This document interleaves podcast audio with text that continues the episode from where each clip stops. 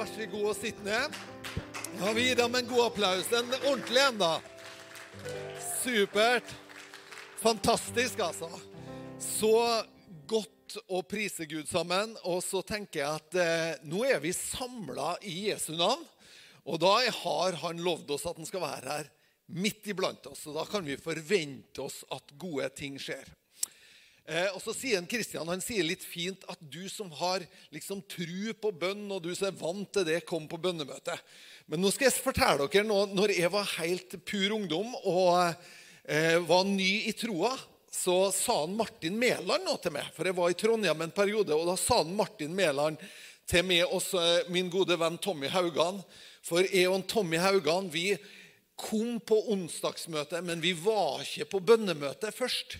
Og så sa han disse bevingede ord. Gutta, hvorfor var ikke dere på bønnemøte? Det er der det skjer. Og jeg og Tommy Haugan vi kjente oss overbevist i vår ånd om at neste onsdag så skulle vi ikke dra på City Syd og shoppe, men da skulle vi være på bønnemøte.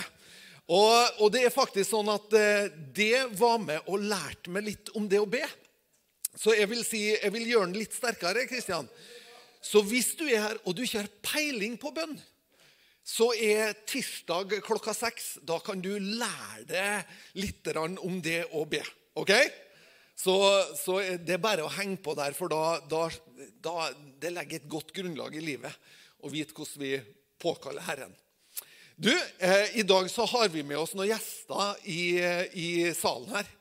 Eh, Anders og Åsa fra Uppsala. De er her. Bare vink og ja, gi dem en sånn varm velkomst. Det er våre venner i 30 år nå. Eh, så vi har hatt et langt og godt vennskap. Og så er jo dem sånn at eh, når vi da får forespørsel om eh, kom til Trondheim, og så spør vi dem, da. Og så er jo Anders han er min største oppmuntrer, så han sier ja, men kjør bare. Det er bare å kjøre, da. Men det er jo selvklart. Så Anders, kan ikke du komme opp, og så, og så får de få liksom eh, litt opplevelse av eh, Sverige, den ekmanske vekkelsen og alt du er. Wow, wow, oh, Nej, men vad härligt att vara här. Vad roligt att komma till Trondheim. Och eh, fantastiskt trevligt att träffa Erland och Annika igen. Och se den här församlingen. Och roligt och spännande att se vad som kommer att hända här. Som redan har hänt och som kommer att fortsätta hända. Vi var ju igår och Eh, det får man berätt prata om, va? att vi var och promenerade där uppe på en kulle.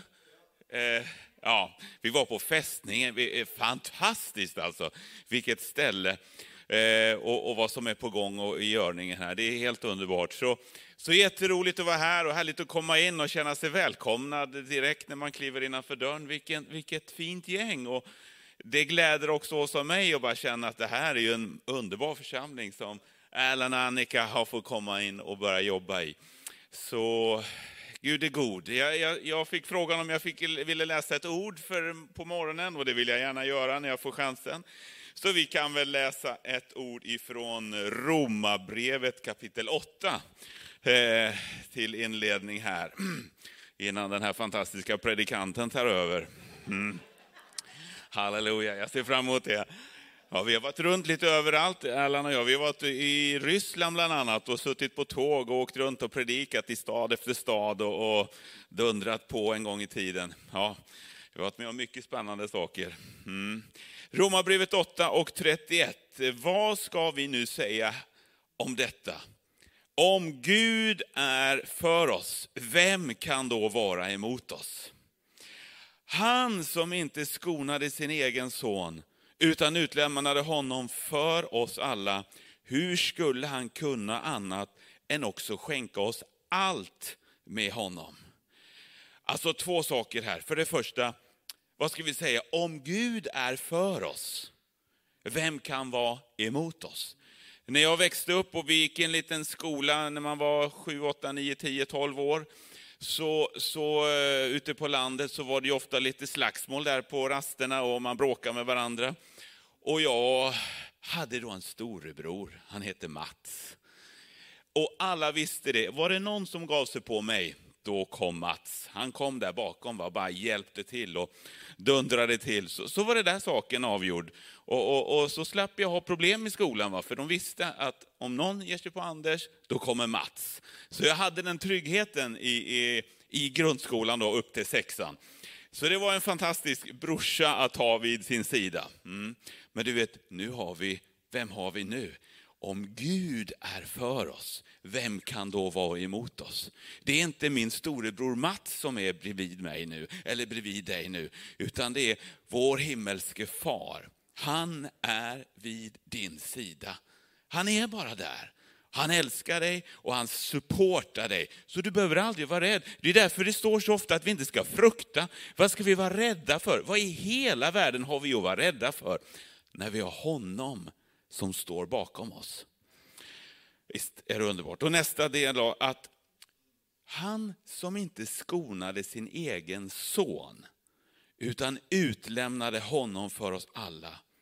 Hur skulle han kunna annat än också skänka oss allt med honom? Han har redan satt ett pris på dig och mig. Det var inte 500 norska kronor, det var inte 1000 dollar, det var inte euro. Det var det dyraste av det dyraste. Det var hans egen son. Han som inte skonade sin egen son utan offrade honom för oss alla. Hur skulle han annat kunna än vilja ge oss allt tillsammans med honom? Så hela himlen, allt bara backar upp dig. Gud har betalat det högsta priset för dig och allt finns där tillsammans som en gåva till dig. Så jag brukar ofta prata om det, man ska se sig i spegeln och se vem man är. Och vem ser du då? Du ska inte titta på dig själv, utan du ska titta på vem var det som var vid din sida. Det var inte ens bara storebror Mats, utan det var Gud, vår far i himmelen, som är vid min sida. Och han har inte skonat sin egen son, han, han vill ge dig allt. Så när du ser på dig själv i spegeln, så ska du bara känna det som världens lyckligaste. Varenda morgon när du vaknar och tittar dig i spegeln, wow, far i himmelen är vid min sida. Han har inte skonat sin son, han har gett allt tillsammans med honom. Så det kan göra dig hur frimodig och glad som helst. Och trygg. Så, halleluja. Gud är god och han är för oss. Han. Amen. Tusen takk, Anders. Så bra. Eh, det er godt med gode venner. Det er et eh, fantastisk privilegium. Gleder du deg til å høre Guds ord? Ja. Eh, to stykker som gjorde det. Og det var, begge var familien Tangvik, så de har i hvert fall blitt enige om det på morgenen. At vi gleder oss til det. Du, altså Snu deg til den som sitter attmed deg, og så sier hun nå kommer det noe bra.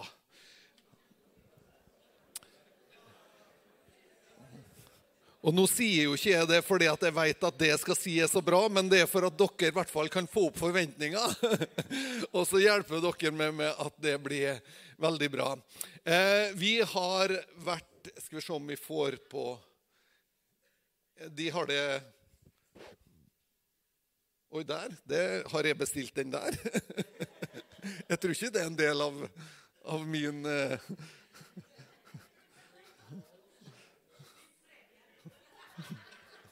Skal vi snakke om den kinesiske mur i dag? Jeg vet ikke om det er en del av prekena mi, altså, akkurat den der eh, saken her. Jeg tror jeg skal overgi den her til kyndige menn eh, som, eh, som kan hjelpe meg.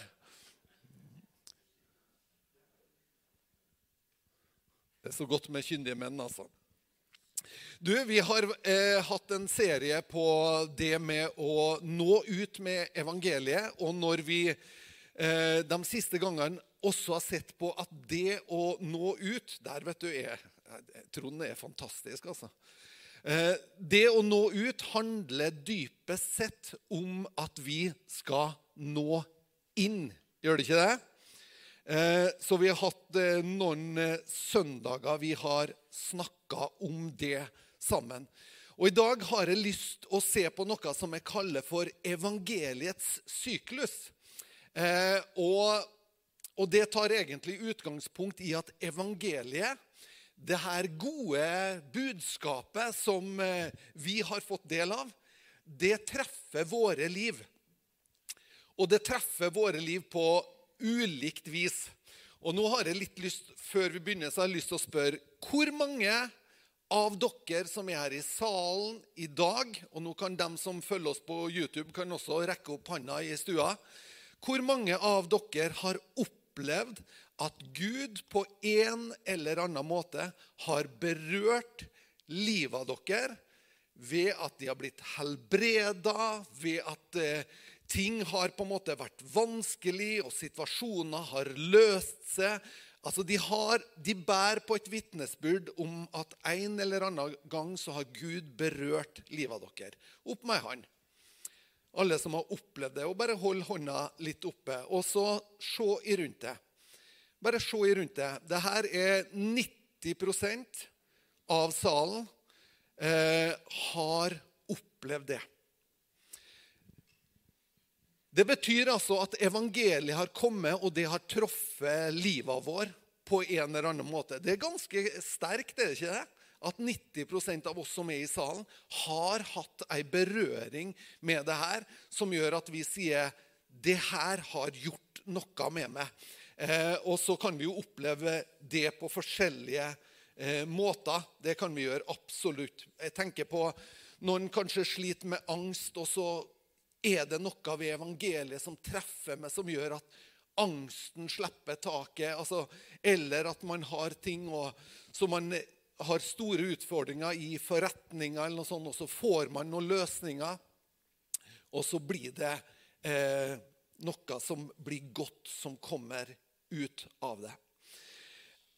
Jeg har litt lyst til at vi skal når vi går inn i denne evangeliets syklus, jeg har lyst til å utfordre alle dere som hører på nå.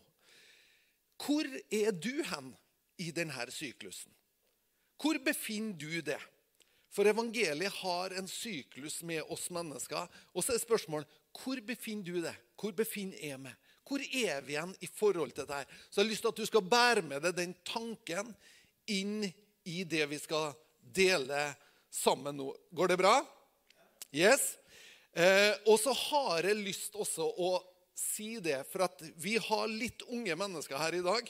Eh, og vi har jo noen eksemplariske ungdommer på, på andre rad her. Og, og, og, bare for å Vi må gi dem en ekstra applaus der, da. Og så Og så veit jeg det at uh, unge mennesker kan ta beslutninger.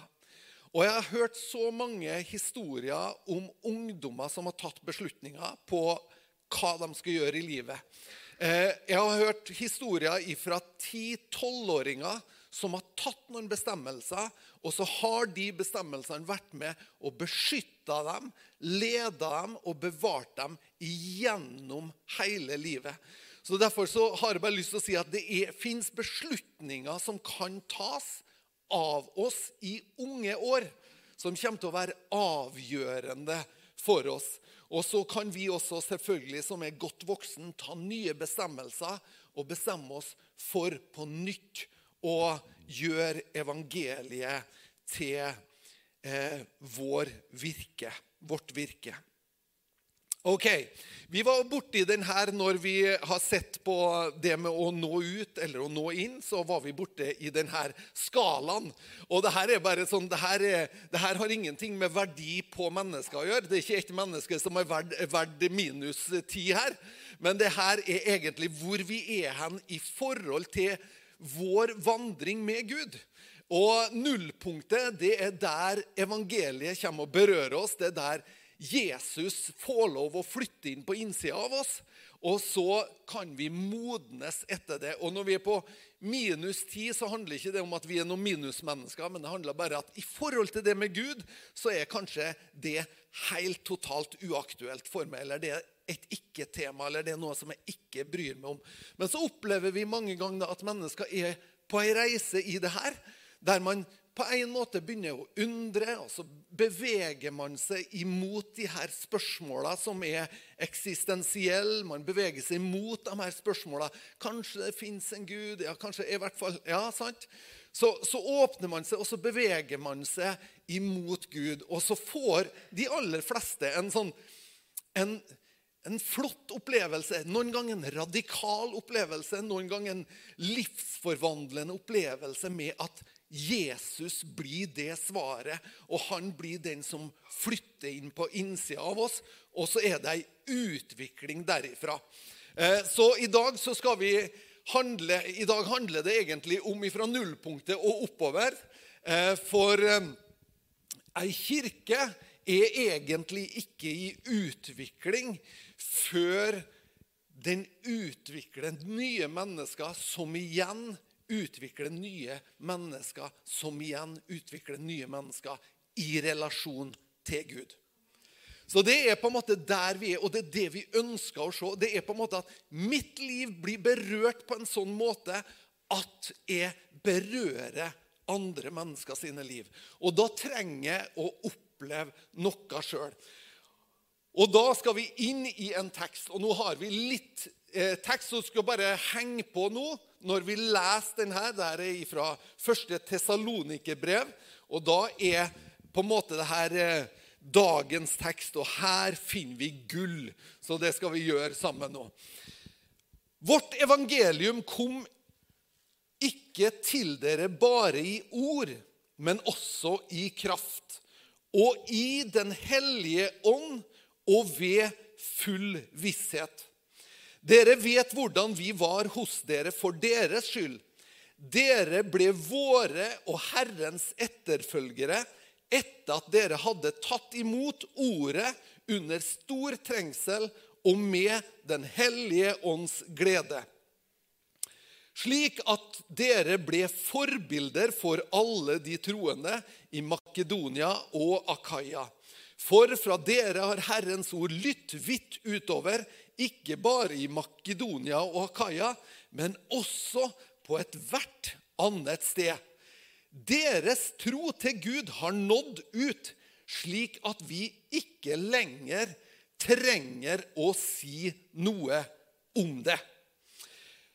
Når vi rekker opp handa her i stad nå, så sa vi egentlig ja, det her gjenkjenner vi. Vi gjenkjenner at evangeliet har kommet til oss. Det har berørt oss, ikke bare med ord, men det har berørt oss også med Den hellige ånds kraft. Sant? Så når vi rekker opp hånda og sier at yes, Gud har berørt mitt liv, han har gjort ting i livet mitt som er mer enn bare ord, da gjenkjenner vi det som evangeliet sier her. Og da gjenkjenner vi egentlig den, det første steget i evangeliets syklus. Og det første steget er at vi får lov å oppleve, vi får lov å høre, vi får lov å bli overbevist. Noe berører livet mitt som gjør at det her er mer enn det jeg er vant til. Sånn, det her er noe, det berører på en sånn måte at wow, det her må jo virkelig være noe. Mange mennesker fikk lov å oppleve det når Jesus berørte dem, når han gikk omkring. Eh, så var det mange mange mennesker som fikk lov å oppleve at her, han her kommer jo ikke bare med ord. Men han kommer med noe mer. Han berører mennesker på dypet. Han ser dem på en ny måte. Han løfter dem på en annen måte. Og på akkurat samme måte er det evangeliet har kommet til oss. Og så er du kanskje her i dag og så tenker du, ja, men det har aldri jeg opplevd. Nei, men da kanskje du befinner deg i det her første stadiet, der du skal få lov å gjøre det erfaringer med det her. Så hvis du ikke har opplevd det før, så ikke vær redd. Det kommer, it's coming your, your way. ok? Så evangeliet er på vei i de retning. Det er på vei å treffe det.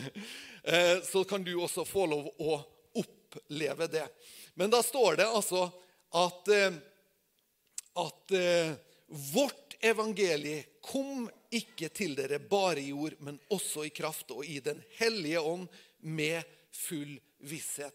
Der treffer evangeliet oss. Og det er den, For dere som har vært med en stund i dette gamet, da, det er den saligste plassen.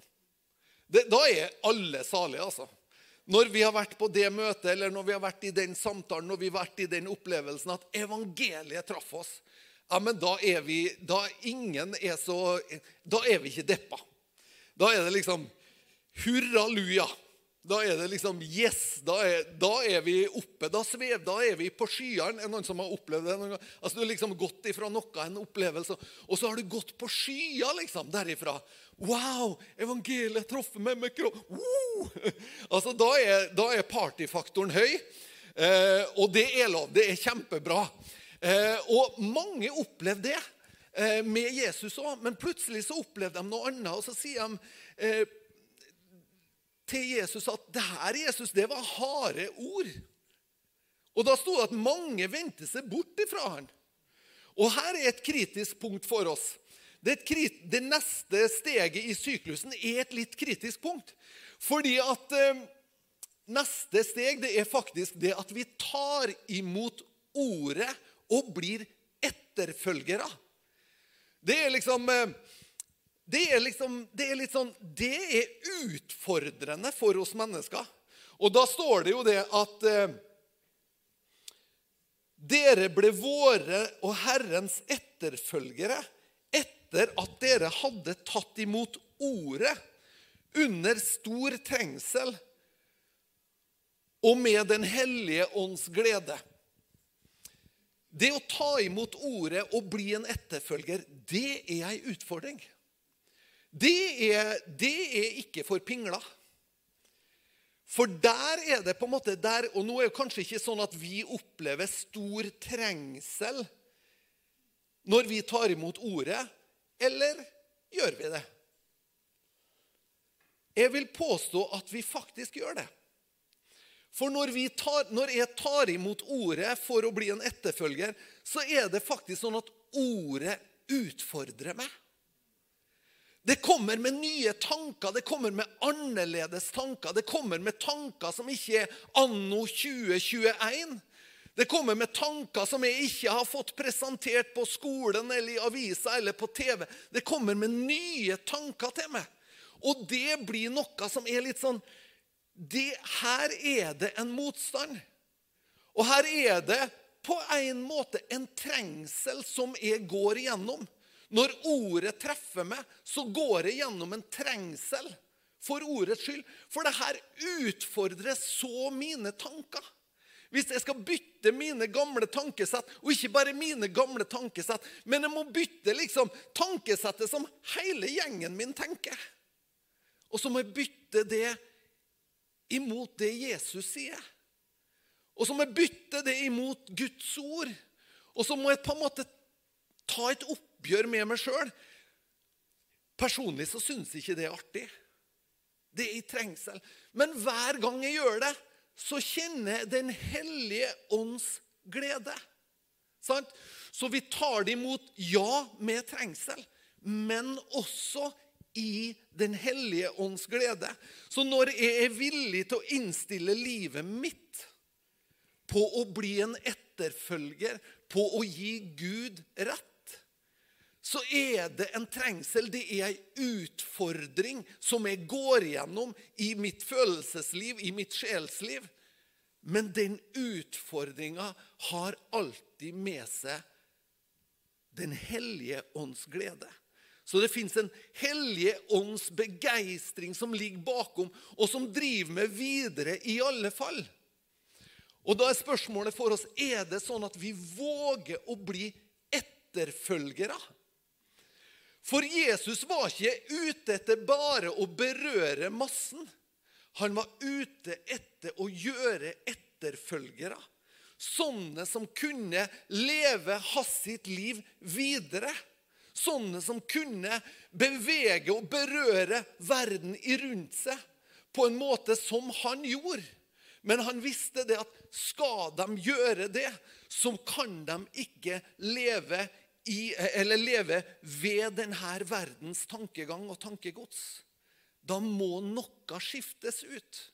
Og det er ei utfordring. Og det er da det sto at de sa til Jesus det her er hard tale. Så vendte de seg bort. Mange forlot Jesus og sa det, det her er for tøft. Og Jesus sier til og med til disiplene sine er det sånn at dere også ønsker å forlate meg? Vær så god, døra er der. Blir det her for krevende, så er døra der. Og så sier disiplene, nei, hvor skal vi gå? Du har det levende Guds ord. Og det er nettopp det som er opplevelsen. Sjøl om det koster, sjøl om det utfordrer, sjøl om det gjør noe i mitt liv som er på en måte litt sånn Oi, såpass, ja. Så har det noe i seg som gjør at jeg opplever Men det er jo det levende ordet. Det er jo det som er i stand til å levendegjøre meg. Det er jo det her som gjør at jeg har kjent at jeg er i live. At, at det er noe mer, liksom. Det er det som gjør det. Det er det her ordet, det er det her budskapet, det er det som har truffet meg, og som gjør at jeg blir et annet menneske. Jeg kjenner at her berører det meg på en djup måte, sånn at jeg er med å røre borti hensikten med livet mitt. Det her gjør at det løftes ut av det mediokre og jeg løftes inn i hensikt. Inn i storhet, inn i det Gud har tenkt. Det her er det som gjør at livet mitt ikke krymper, men at livet mitt heller får lov å blomstre. Så Derfor så påstår jeg, da Og nå er jo jeg predikanten her, så det er jo ikke rart at jeg påstår det. Men jeg påstår det at her fins mulighetene for oss. I det at vi gir ordet rett, og i det at vi blir hans etterfølgere. Og nå skal jeg lese noe som er skikkelig gammeldags. ok? er du klar for noe som er skikkelig gammeldags? Nå skal jeg ta fram et ord som heter synd. Synd. Og så Nå har vi jo sånne fine bilder på at synd er å bomme på målet. Og det er det. Det er å, å bomme på målet. Men jeg skal bare vise dere litt, fordi at jeg tror det er viktig at vi vet hva vi snakker om når vi snakker om synd. Altså, eller at vi ikke tør å snakke om det. eller at på en måte... Eh, for det som er viktig for oss å forstå, det er at eh, Bibelen faktisk snakker om det. Og så står det i 1. Johannes brev dere vet at han ble åpenbart for å ta bort syndene våre, og i ham er det ikke synd. Så hvis Jesus ble åpenbart for å ta bort syndene våre, så er det jo viktig at vi skjønner hva han snakker om. Eller skal vi bare si det at Neimen, det har vi avskaffa. Du skjønner at ja, på Jesu tid så var det problem med synd, men det har ikke vi problem med lenger. Eller Eller Du skjønner at vi, Det er viktig at vi forstår hva snakker Bibelen om. Når han sier at han kom for å ta bort syndene våre, så var det nettopp mine han snakka om. Det var nettopp det som jeg har gjort, som er til skade for meg sjøl og til skade for min neste. Det var det han tok bort. Og hvordan bommer vi mennesker på målet? Jo, svært ofte så bommer vi på målet fordi at vi er skapt for å bringe ære til Gud. Mens mange ganger så lever vi kun for vår egen ære. Da bommer vi på målet. Da lever vi ikke vår hensikt. Og det er synd. Og da vil Bibelen hjelpe oss. Da vil Gud hjelpe oss, da vil Jesus hjelpe oss, sånn at han kan løfte av oss vår synd. Sånn at vi Og ikke sitt her og lat som jeg snakka om ei menighet på Østlandet nå. Jeg snakker til dere nå. Jeg snakker til dere sine liv. Det er ikke liksom bra 'Å, det her skulle de hørt liksom på Lillehammer'. Nei! Ha, hallo! Vi er her nå. Er vi ikke det? Det er vi som trenger det her. Vi trenger å vite hva er det det her utfordrer meg på, for det gjør det. Det utfordrer meg. Og så står det i det samme delen av Skriften så står det, i ham er det ikke synd. Hver den som blir i han, synder ikke. Den som synder, har verken sett, eller, sett ham eller kjent ham. Dere er dere barn, la ingen føre dere vill. Den som gjør rettferdighet, er rettferdig, liksom han er rettferdig. Den som gjør synd, er av djevelen, for djevelen har synda fra begynnelsen. Og nå, altså Ikke tenk djevelen som på en måte en, en med horn eller hale. Eller sånn. det, det, er ikke det det er snakk om. Det er snakk om han som forfører oss i våre tanker. Han som får oss til å bomme på målet, han som får oss til å tenke at det som er uviktig, er viktig, og det som er viktig, er uviktig. Det er han på en måte. Han på en måte ønsker ikke at du skal nå ditt potensial. Bibelen snakker faktisk om at det er en fiende for våre sine sjeler. Og han ønsker å stjele og myrde og ødelegge i liv. Han ønsker å ha sine skitne fotavtrykk i ditt og mitt liv. Mens det fins en som har betalt prisen for vår frihet.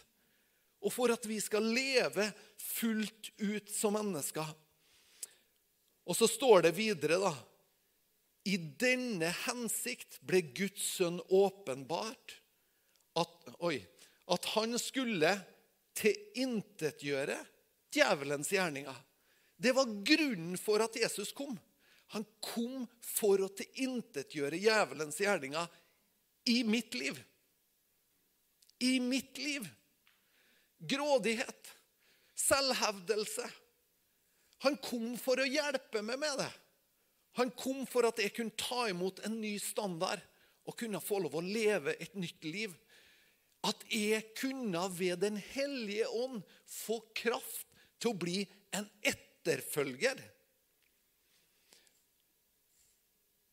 Kanskje du er der i denne syklusen. Du er akkurat der at ordet utfordrer deg. Kanskje du har vært i samme gata og tenkt samme tankene som disiplene sier, eller dem som fulgte Jesus da. At du har tenkt at nei, nå tror jeg, det her tror jeg blir for tøft. altså. Nei, det her er for annerledes. Nei, det her, det her har ikke gjennomslag hos mine kompiser. eller... Du er kanskje der at det er ei skikkelig utfordring, det å bli en etterfølger men han vil gi det kraft til å være det. Tenk på her som står i Matteusevangeliet 9. kapittel. Der står det om at Jesus gikk omkring i alle byene og alle landsbyene, og han lærte i synagogene deres han forkynte evangeliet om Guds rike, og han helbreda alle slags sykdommer og alle slags skrøpeligheter iblant folket. Og så kommer det her verset. Men når han så dem, når han så folkeskarene, så ble han grepet av dyp medlidenhet med dem. For de var utslitte, motløse og spredd omkring som sauer som var uten hyrde.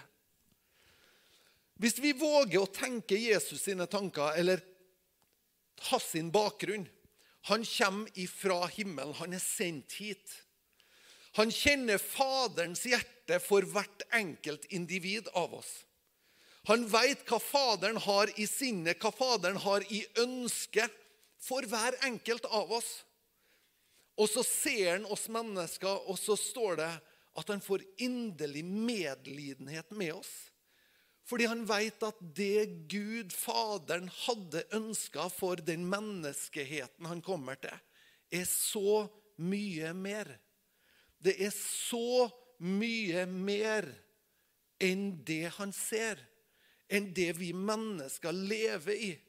Jesus han vet hva Faderen ønsker å bringe til oss. Sant?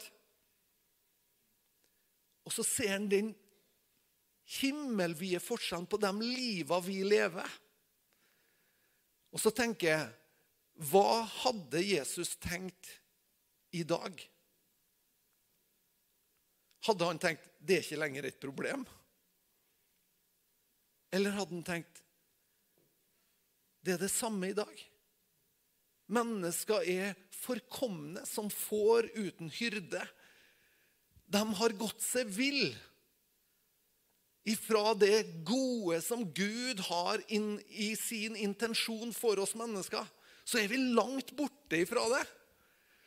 Og da tenker jeg da må i hvert fall vi som sier oss å være hans sine etterfølgere Da må i hvert fall vi la Den hellige ånd berøre oss på en sånn måte at det blir forskjell. Må vi ikke det? Vi må la han berøre oss på en sånn måte at det skapes en forskjell, at det vises. Og vet du hva Paulus sier til Timoteus? Han sier at Timoteus legg vekt på eh, eh, Ta vare på opplesninga av Skriftene. Og lev i det, sånn at alle kan se din framgang. Er ikke det det samme som en sier til Josva? Moses sier til Josva, ta vare på ordet. Ta vare grunn på det. Lev i det. Da skal du lykkes med alt du tar det fore. Er det sånn at troa vår bare er at på en måte, ja, men jeg er med i klubben, jeg er med i kristenklubben? Ja da, jeg, jo da. Så vi, jo, jeg kan jo løfte hendene, jeg kan jo si amen på rett plass, og jeg kan liksom gå ned i, i, i spagaten, skulle jeg til å si, men jeg kan jo ikke helt. Skjønner, Det er så mange ting som vi, vi på en måte, vi blir en del av. Og så er, på en måte, er det det det handler om, egentlig? Er det at vi ble medlemmer i klubben, eller er det det at han får lov på djupet å berøre våre liv?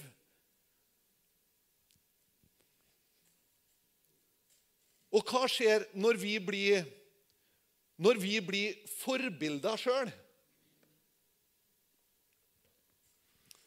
Når vi lar dette ordet treffe oss, da blir vi sjøl forbilder. Fordi at når du Du skjønner at du er ikke et forbilde hvis ikke livet du lever, er interessant. Kan man si sånn? Hvis livet ditt er uinteressant, så er du ikke et forbilde. For et forbilde det er sånn at, det er sånn at Wow, det hun har, det vil jeg ha. Det er et forbilde. Du lever noe som jeg syns at wow, det der er faktisk verdt å selge ut litt for. Det her er verdt å selge ut litt for å få tak i. Hva er det du har? Hva er det du har skjønt som ikke jeg har skjønt? Og Det er først når ordet har fått lov å berøre oss og prege oss og forandre oss, at vi blir forbilder. Hvis vi lever som om ingenting har skjedd, ja, men da er vi ikke et forbilde for noen. Men det er noe med, med, mennesker som går foran, og som bærer med seg noe, og som har noe annet ved seg, noe av kraft og av Den hellige ånd. Og Da blir man plutselig forbilder. Det er ikke sånn at ja, nå skal jeg velge å bli et forbilde.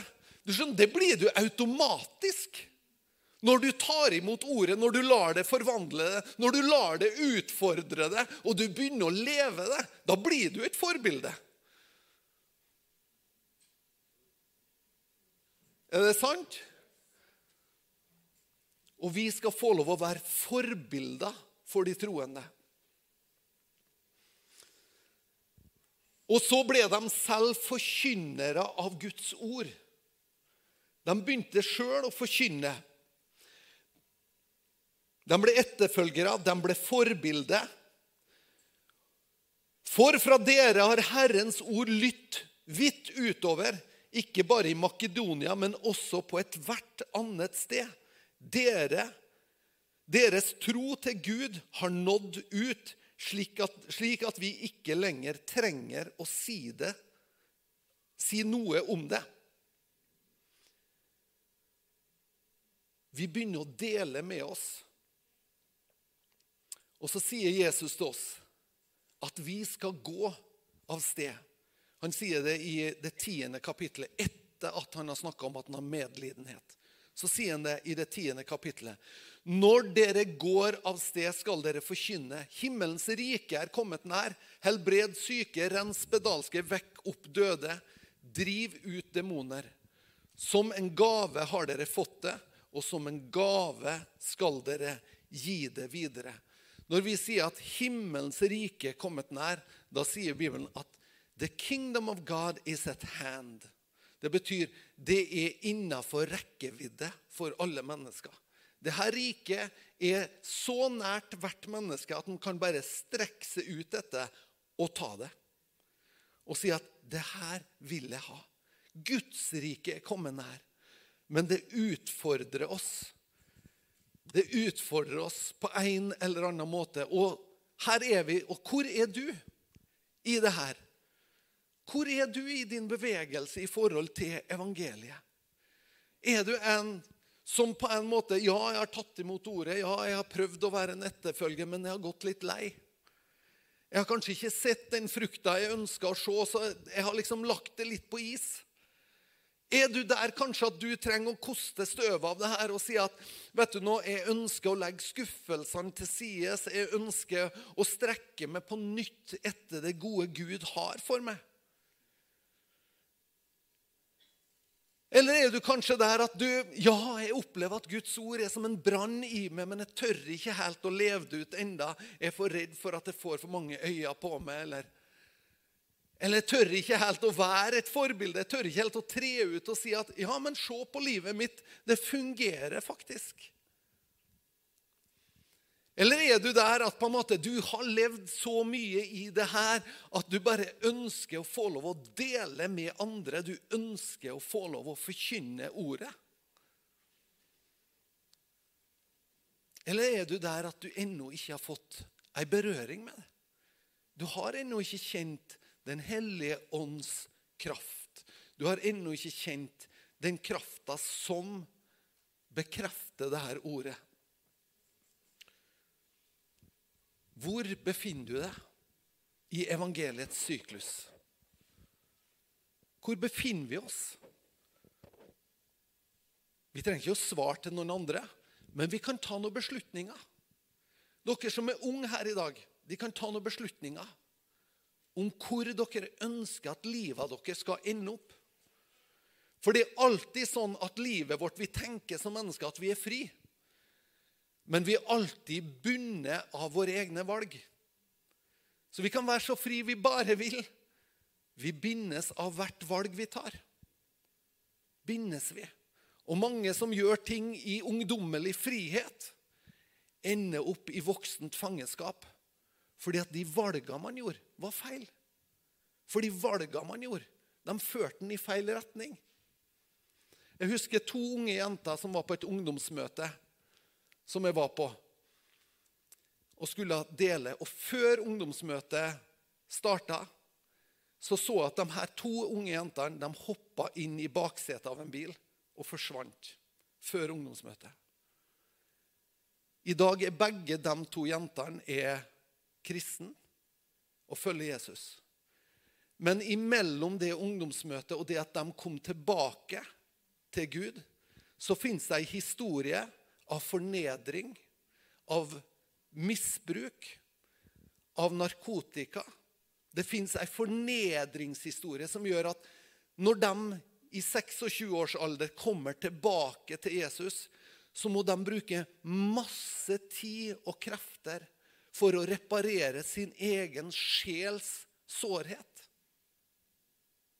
Så vi kan ta gode valg, og vi kan ta dårlige valg så har jeg også sett mennesker som har tatt beslutninger om å følge Jesus. Om å betale en pris. Om å si at 'jeg ønsker en annen standard'. Og så får man liv også som man kan leve, og som er langsiktig gode liv. Og Her i salen så har vi mange vitnesbyrd av mennesker som har levd lenge og godt med Gud. Og det er det vi ønsker å se. Jeg har lyst til at vi skal avslutte med å be sammen. Og da skal vi be ei enkel bønn der vi inviterer Han inn. Og jeg tror at hvor som helst du er i forhold til denne evangeliets syklus, så kan du gjøre denne bønna hvis du trenger det til din nye start og til din nye mulighet. Og så kan du gjøre denne bønna til de, og så kan du si at det her er starten på noe nytt for meg. Skal vi be denne sammen? Takk, Jesus, for dagen i dag. Jeg ønsker at du skal fylle mitt liv med din fred. Du tar imot meg, og jeg ønsker relasjon med det. Amen. Nå tror ikke vi at dette er noe magisk bønn. Men vi tror at det å åpne sin munn og invitere Jesus inn, det er starten på ei vandring. Det er starten på et spennende liv som han ønsker å ta det med inn i. Og så er det alltid sånn at vi anbefaler, Når mennesker tar imot Jesus, så anbefaler vi for at du skal få hjelp til å komme i gang i det her nye livet ditt, så ønsker vi å anbefale deg å si det til noen. Si det til noen. Fortell noen. Noen som er nær deg, en kompis, en venn, mor, far, søsken. Si det til noen. Fortell dem at vet du jeg våga faktisk å be ei bønn om at Jesus skulle komme inn, og at jeg ville ha relasjon med han. Og så er det andre tipset. Det er les Guds ord. Les Bibelen. Skaff deg en bibel. Få tak i noen. Det er mange som har, mange som har sånne i, i bokhylla si. Hvis du stjeler den, så er det ingen som merker det. Nei, nei, det var tull. Verste er at det er sant. vet du. At Hvis du liksom drar inn til noen, og så stjeler du Bibelen deres Jeg merker ikke, vet du, for de leser for lite inn sjøl. Men Vi anbefaler jo ikke det, men det kan jo være et tips da, hvis du ikke har råd. Og så kan du liksom Lenger ned i boka så leser du, og så blir du overbevist. Det var kanskje ikke rett, og så går du tilbake og leverer en det. sant? Men les Bibelen, det er et godt tips. Og så er det også å finne ei kirke, finne et fellesskap. Være en del av ei kirke og et fellesskap. Så er det en, en god start for det. Så, så bra. Jeg tror dere kan komme fram, og så skal vi ha en lovsang sammen. Og så tenker jeg at nå står vi opp sammen. Og så har jeg lyst til å være litt frimodig.